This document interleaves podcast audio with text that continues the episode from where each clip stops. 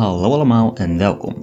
Mijn naam is Mike en in deze aflevering lees ik een verhaal voor het eigen doos. Dit is Verhalen voor het slapen gaan.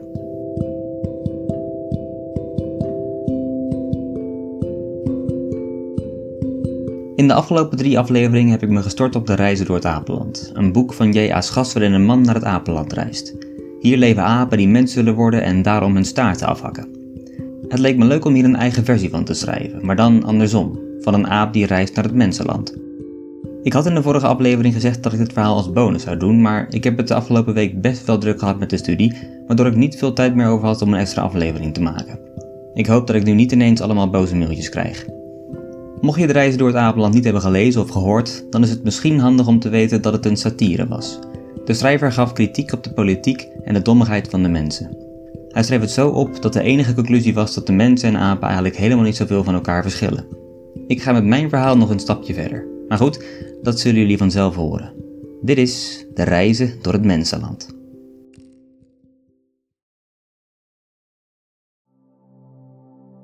Reizen door het mensenland. Hoofdstuk 1.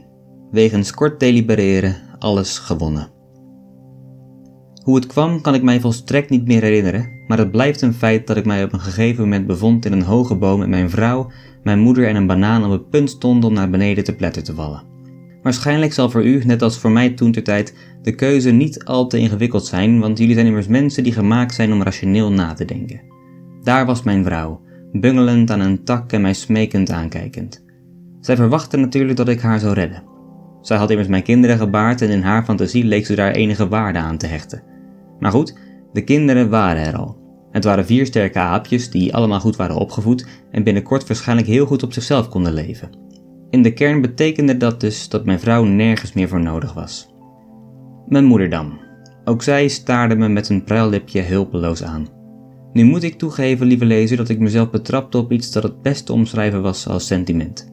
Ja, ik weet het, het is afschuwelijk dat zulke gevoelens nog in mijn gemoedstoestand konden sluipen. Sentiment was immers iets dat hoorde bij een afgesloten tijdperk. Het was, zoals iedereen inmiddels weet, bij de conventie van het Apenland in 2011 verboden. En toch, zij had mij op deze wereld gezet. Zij was de oorsprong van mijn bestaan. Alles wat ik heb gedaan heb ik aan mijn moeder en vader te danken. Hun opvoeding heeft me gemaakt tot wie ik ben. Maar was er ergens in deze opvoeding dan iets misgegaan? Ik voelde immers nog sentiment, iets dat vanaf jongs af aan afgeleerd had moeten worden. Of praat ik onzin en snapt u waarover ik het heb? Als dat zo is, dan is het bij ons allen misgegaan. Dan zijn we gedoemd te falen. Ik herstelde me gelukkig. Jawel, zoals mijn moeder, maar buiten dat? Ik en mijn broers en zussen waren opgevoed en inmiddels volwassen, dus in de kern zat mijn moeder staak erop. Nu zat zij alleen maar hoog in een boom naar beneden te kijken en vrat ze af en toe de rijpste vruchten die waarschijnlijk beter naar de kinderen hadden kunnen gaan. En dus overschot. Dan was daar nog de banaan. Voedsel. De benzine van mij en alle andere apen. Vol vitamines en genoeg om weer een paar uur vooruit te kunnen. Kortom, van de drie objecten had de banaan het meeste nut. Het mag dus vanzelf spreken dat ik mijn vrouw en mijn moeder hun dood tegemoet liet vallen en de banaan uit de lucht griste. Het sentiment was verdwenen, de banaan smaakte verrukkelijk. Het duurde niet lang voor mijn mede-apen lucht kregen van wat ik had gedaan. Toen ik na een uur uit te hebben gebuikt eindelijk naar beneden klom om eens te kijken hoe de lijkjes van mijn vrouw en moeder erbij lagen, zag ik dat er een groep van 20, misschien 30 apen om de lichamen heen stonden te smoezen. Ik sprong expres op een tak, zodat ze hoorden dat ik, de oorzaak van dit alles, was gearriveerd. Ah, riep nummer 5378, daar is de man en de zoon van. Wat is er gebeurd? Ik vertelde ze hoe ik gebruik had gemaakt van mijn ratio en al dus genoodzaakt was de keuze te maken om de banaan te redden in plaats van mijn vrouw en moeder. Ze keken me allemaal even verwonderd aan, maar na enige tijd begonnen ze te klappen. Ik boog voor mijn publiek en toen ik weer omhoog kwam stond voor me de almachtige aap nummer 1. Hij legde zijn hand op mijn schouder en zei: Nummer 17513, ik heb genoeg gezien. Jij bent de uitverkorene. Jij gaat mensen van ons maken. Hoofdstuk 2 Het vertrek, de reizen en een warm onthaal. En zo kwam het dus dat ik, aap nummer 17513, verkozen werd om mezelf onder te dompelen in de menselijke beschaving. Ik moest hun manieren, hun denken en hun maatschappij in me opnemen en bijna als undercover agent mijn bevindingen na enkele weken of maanden rapporteren aan het aapdom. zodat we ons als apen boven onze eigen standaarden konden verheffen en gelijk konden worden aan de mens. Voor mijn reis was een beetje training van belang. Zo leerde ik jullie taal, waardoor ik dit verhaal nu ook aan jullie kan vertellen op een manier zodat jullie het graag lezen of horen. De gesprekken die ik normaal met mijn mede-apen zou hebben, heb ik dan ook naar jullie taal vertaald. Ik moet wel zeggen dat het me een hoop moeite kostte alles onder de knie te krijgen. Wij apen maakten immers alleen maar gebruik van enkele klanken en kreten en hier en daar een handgebaar. Jullie hebben het alleen maar moeilijk gemaakt voor jezelf door al die regels en woorden en betekenissen. Hoe simpeler de taal, hoe minder problemen en hoe makkelijker het leven. Maar goed, volgens mij is een makkelijk leven voor de mensheid niet weggelegd. Naast de taal leerde ik ook rechtop te lopen. Het duurde een tijdje om de kromming uit mijn ruggengraat te krijgen, maar uiteindelijk was het me gelukt mijn postuur dusdanig aan te passen dat ik in menselijke kleding paste. Echter had ik wat dat betreft wel één obstakel: mijn staart. Ik kreeg een moeilijk in mijn broek en wanneer hij er eenmaal in zat, zat hij constant in de weg. Als eindresultaat zat ik dus altijd met een grote knobbel in mijn broek. Daar hoefde ik me echter geen zorgen om te maken volgens aap nummer 1, het zou juist in de smaak vallen bij de vrouwtjesmensen. Na een maand zat mijn training er dus op. Ik had genoeg kennis vergaard om me voor te kunnen doen als een mens, om op te gaan in jullie wereld en uiteindelijk terug te keren met genoeg informatie voor de apen om ook mens te kunnen worden. Ik vertrok in de vroege morgen. De bevolking had zich die ochtend als verrassing bij mijn boom verzameld om mijn moed in te spreken, succes te wensen en om afscheid van me te nemen. Ik voelde me als een astronaut die op missie naar de maan zou gaan. Nu vraagt u zich misschien af hoe ik aan die vergelijking kom, maar in 1961 werd er gewoon een aap de ruimte ingeschoten, dus we weten meer dan u denkt. Na alle handen te hebben geschud en iedereen te hebben beloofd heel huid als messias terug te keren, ging ik op pad. Ik had een lange reis voor de boeg. Ik baande mijn weg door de takken en gebladerte van het dichte oerwoud. Het duurde zeker enkele uren, maar na lang genoeg rechtdoor te hebben gelopen, vond ik uiteindelijk het pad dat me naar het beloofde mensenland zou brengen. Alles wat ik nu nog hoefde te doen, was het eindeloze pad volgen tot ik de eerste mensen tegen zou komen. Zij zouden mij met een beetje geluk vertellen waar de kern van de beschaving zich bevond. Toen de zon langzaam begon te zakken, zag ik in de verte kleine lichtjes branden. Ik naderde en na een tijdje doemde uit het donker te huizen op.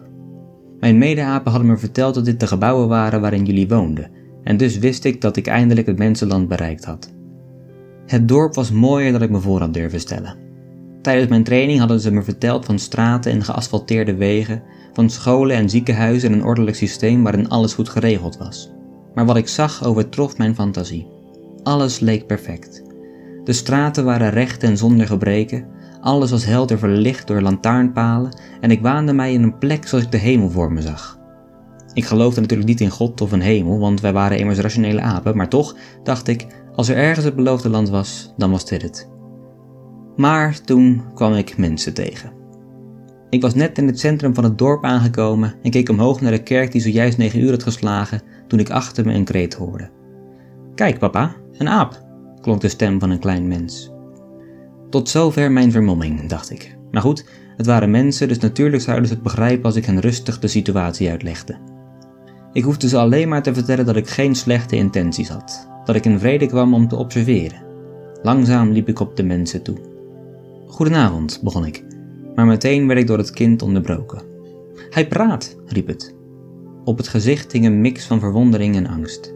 Ik stak mijn hand, nee, sorry, poot in de lucht. Dat klopt, ik kan praten.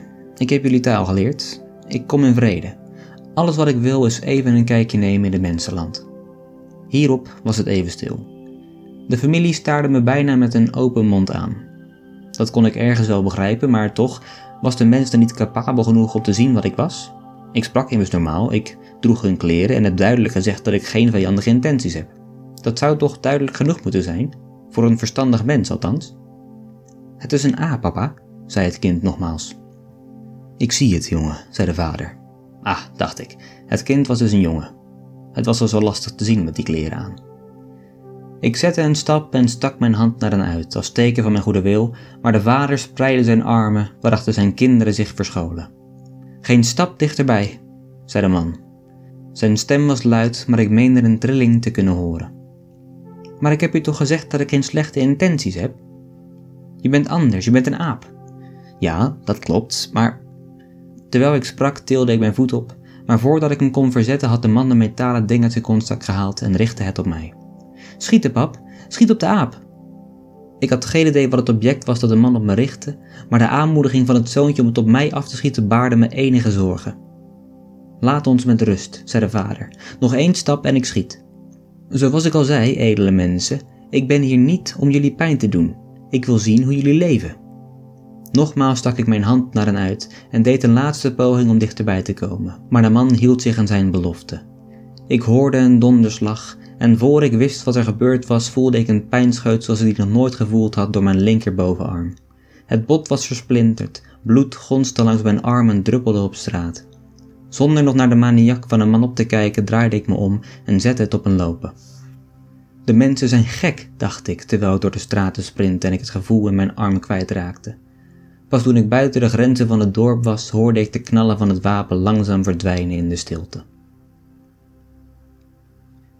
Hoofdstuk 3 Te midden van veel geschreeuw en teleurgang.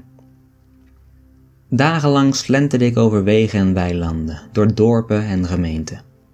Ik had mijn shirt uitgedaan en op mijn bovenarm gebonden, want blijkbaar werkte het toch niet als vermomming. Het bloeden was na een lange tijd gestopt, maar het wil niet zeggen dat ik me beter begon te voelen. Met elke stap die ik zette voelde ik kracht uit mijn lichaam sijpelen, alsof de wond mijn lichaam van bitterheid opvrat. In het apenland had er iemand naar kunnen kijken. Daar hadden we gespecialiseerde apen die wisten wat ze met zijn wond aan moesten. Ja, en ik weet dat jullie mensen ook ziekenhuizen hebben, maar breek me de bek niet open. Ik kwam twee dagen na mijn vlucht een nieuw dorp tegen, waar ik zo'n ziekenhuis vond. Ik liep naar binnen en vroeg om hulp, maar wat denkt u? Ze weigerden omdat ik een aap was, geen verzekering of geld had. Omdat ik geen BSN-nummer had en dus in jullie wereld tussen haakjes niet bestond. En dus was ik daarna op mezelf aangewezen en zo goed als ter dood veroordeeld. De schotwond zou zichzelf niet helen en ik had nog een lange weg te gaan. Ook de terugweg zou ik niet redden. Wel ja, dacht ik, dan zit er nog één mogelijkheid op. De plek zoeken waar de apen me tijdens mijn training over hadden verteld. Het zou een dorp in kwadraat zijn, de kern van de beschaving. Jullie noemden het een stad. Ik zou het herkennen aan de flats, de vele mensen en meningen. Soms zouden de mensen elkaar straal voorbij lopen en sociaal contact vermijden, en andere keren zouden ze massaal de straat op gaan om te schreeuwen. Tegen wie of wat precies was voor ons vooralsnog onduidelijk. Maar goed, dat was dus de plek die ik zocht. Mijn enige redding en de plek waar ik, mocht ik genezen, genoeg kennis op kon doen om mijn volk naar het niveau van de mensheid te verheffen. Zoals ik al zei, ik slenterde door weilanden en over sloten. En na een totaal vijf dagen zag ik dan eindelijk in de verte hoge gebouwen opdoemen aan de horizon. Ik was uitgeput, had de afgelopen dagen amper geslapen en moest elke vezel in mijn lichaam bevelen om niet in elkaar te zakken, om nog even door te zetten. Ik was er bijna. Langzaam maar zeker leek er een rode gloed over mijn zicht te zakken. Even dacht ik dat het aan mijn ogen lag, dat ik door mijn moeheid hallucineerde, of dat de dood naderde en ik op weg was naar de hel. Ik wreef stevig in mijn ogen, maar de gloed verdween niet. Naarmate ik dichter bij de stad kwam, werd de gloed steeds sterker, en toen ik dichtbij genoeg was om de oorzaak ervan te zien, wist ik dat het niet aan mij lag. Tussen de flatgebouwen door reikten enorme vlammen naar de hemel, alsof ze genoeg hadden van de drukte van de stad en snakten naar lucht. Daar was ik dan, eindelijk aangekomen in de kern van het mensenland, met een verwonde arm die zorg nodig had en een missie om van apen mensen te maken. En waar was ik beland? Aan de rand van een stad die in vlammen leek op te gaan. Het was nog een hele klus om een weg naar binnen te vinden. Op de wegen stonden auto's verlaten geparkeerd en de mensen hadden houten blokkades neergezet voor de ingangen, alsof ze me wilden waarschuwen. Hier wil je niet zijn, blijf hier ver vandaan. Maar goed, daar was ik natuurlijk niet voor gekomen. Ik moest en zou mijn missie voltooien. Het aanzicht van de brandende stad had me de adrenaline gegeven om over de auto's en blokkades te klimmen en naar het centrum van de stad te slenteren. Wat ik daar zag oversteeg mijn ergste nachtmerries. Waar ik na mijn trainingen en verhalen van medeapen had gedroomd van een utopische samenleving, waar mensen vriendelijk naar elkaar knikten, beschaafd discussieerden en samenwerkten aan een glorieuze toekomst, leek dit het tegenovergestelde te zijn. Zoals ik al zei, geloof ik niet in God en dus ook niet in een hemel, maar één ding was zeker. Wat ik in die stad zag, was de hel op aarde. Mensen stonden met messen in hun handen te zwaaien op straat. Geen enkel kledingstuk dat werd gedragen leek nog in de originele staat. Alles was gescheurd en besmeurd met stof, modder en viezigheid. Een stuk verderop zag ik mensen met fakkels en hooivorken en volgens mij zag ik zelfs dat er ergens een guillotine over de straat werd geteeld om er eens iemand van het andere kamp onder te leggen. Want ja, zo leek het. Overal waren kampen in tweeën verdeeld en wanneer de een iets naar de ander gilde, gilde de ander alleen nog maar harder terug. De aarde was rond, de aarde was plat, het virus bestond niet, het virus bestond wel, politici waren allemaal pedofielen, kapitalisme was onze ondergang, dan was iedereen welkom, dan moest een groep mensen op basis van kleur ineens het land uit, Zwarte Piet is racistisch, Zwarte Piet is traditie, het is allemaal de schuld van de jongeren, het is allemaal de schuld van de ouderen, technologie maakt ons slaven, Facebook maakt ons dom, het komt allemaal goed, we gaan allemaal dood. Wel beschouwd was het enige waar de mensen het over eens waren, dat het altijd de schuld van de ander was. Dat is wat ik zag. Veel geschreeuw en teleurgang. Ze waren zo met zichzelf bezig dat ze maar amper beseften dat er een aap in het midden was. Ik denk dat je op dat moment zelfs een heel circus de revue had kunnen laten passeren en dan nog zouden ze er dwars doorheen staren. De apen hadden me tijdens de training over iets verteld. Over een huis, een kamer waar beslissingen werden genomen.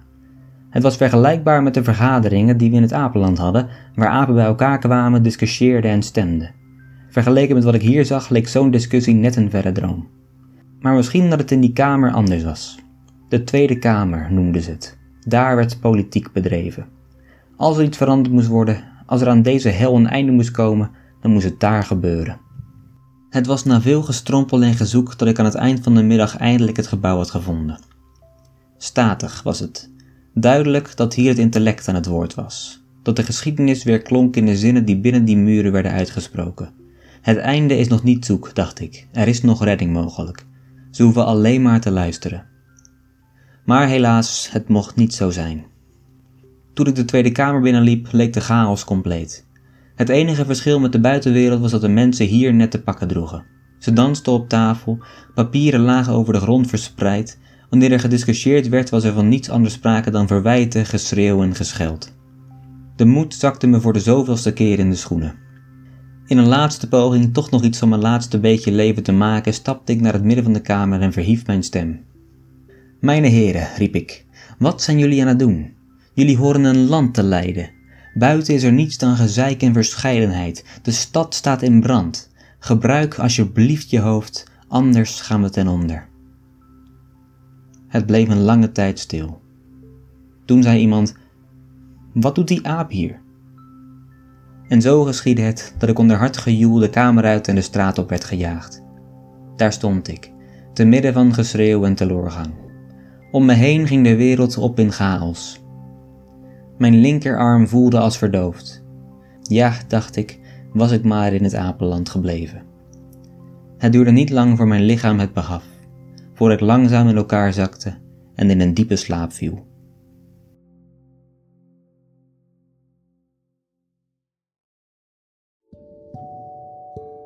Ik vind het altijd een beetje raar of pretentieus om te praten over mijn eigen verhalen. Alsof ik iets geweldigs heb geschreven dat het analyseren waard is. Daarom zal ik het kort houden. Ik heb in ieder geval voor het grootste gedeelte de structuur van de reis door het Apenland aan proberen te houden. Het opent met een personage dat een keuze moet maken. Waar het een man in de reis door het Apenland niet lukt omdat hij niet kan kiezen, heeft deze aap er niet veel moeite mee. Hij gaat voor het enige ding dat nog nut voor hem heeft, de banaan. Waar de man moet vluchten, wordt de aap zelf verkozen om op pad te gaan. Hij wordt getraind en hoopt in het mensenland een utopische wereld te vinden. Maar dit beeld blijkt niet zo te zijn als hij had gehoopt. Alle ratio en denkvermogens bij de mensheid verdwenen. De stad staat in brand en iedereen schreeuwt naar elkaar. Zo heb ik een beetje geprobeerd te schrijven dat niemand meer naar elkaar luistert en iedereen in zijn eigen bubbel zit, overtuigd van zijn of haar waarheid. Mijn verhaal is een stuk minder politiek dan de reis door het Apeland. Dit komt vooral doordat ik er naar mijn mening niet genoeg van af weet om er kritisch op te zijn. Ik had in eerste instantie wel een ander einde voor ogen, maar uiteindelijk heb ik het vierde hoofdstuk geschrapt. Aan het einde van de reis door het aapland wordt een man wakker en blijkt alles een droom te zijn geweest. Wat ik eerst wilde doen was dat de aap ook wakker werd, maar dat alles geen droom blijkt te zijn. Uiteindelijk voelde het einde van hoofdstuk 3 al genoeg als einde. De aap realiseert zich dat hij beter in het apenland had kunnen blijven waar de bevolking nog wel beschaafd is. Waarin de reis door het apenland de mensen dus gelijk zijn aan de apen, staan in mijn verhaal de apen boven de mensen. Misschien wel wat overdreven, maar soms is dat nodig om een punt te maken. Ik heb zelf heel veel zin in de aflevering van volgende week. Waarschijnlijk heb ik dan een echte microfoon en heb ik ook een kleine mijlpaal bereikt. Misschien dat ik een kleine giveaway ga doen. Maar goed, dat zien jullie volgende week vanzelf. Ik wil jullie hartstikke bedanken voor het luisteren naar deze podcast. Voor achter de schermen, updates, vragen of opmerkingen kun je me vinden op Instagram of Facebook onder de naam Verhalen wordt slapen gaan en dan zie slash hoor ik jullie volgende week. Voor nu, goede nacht, slaap zacht.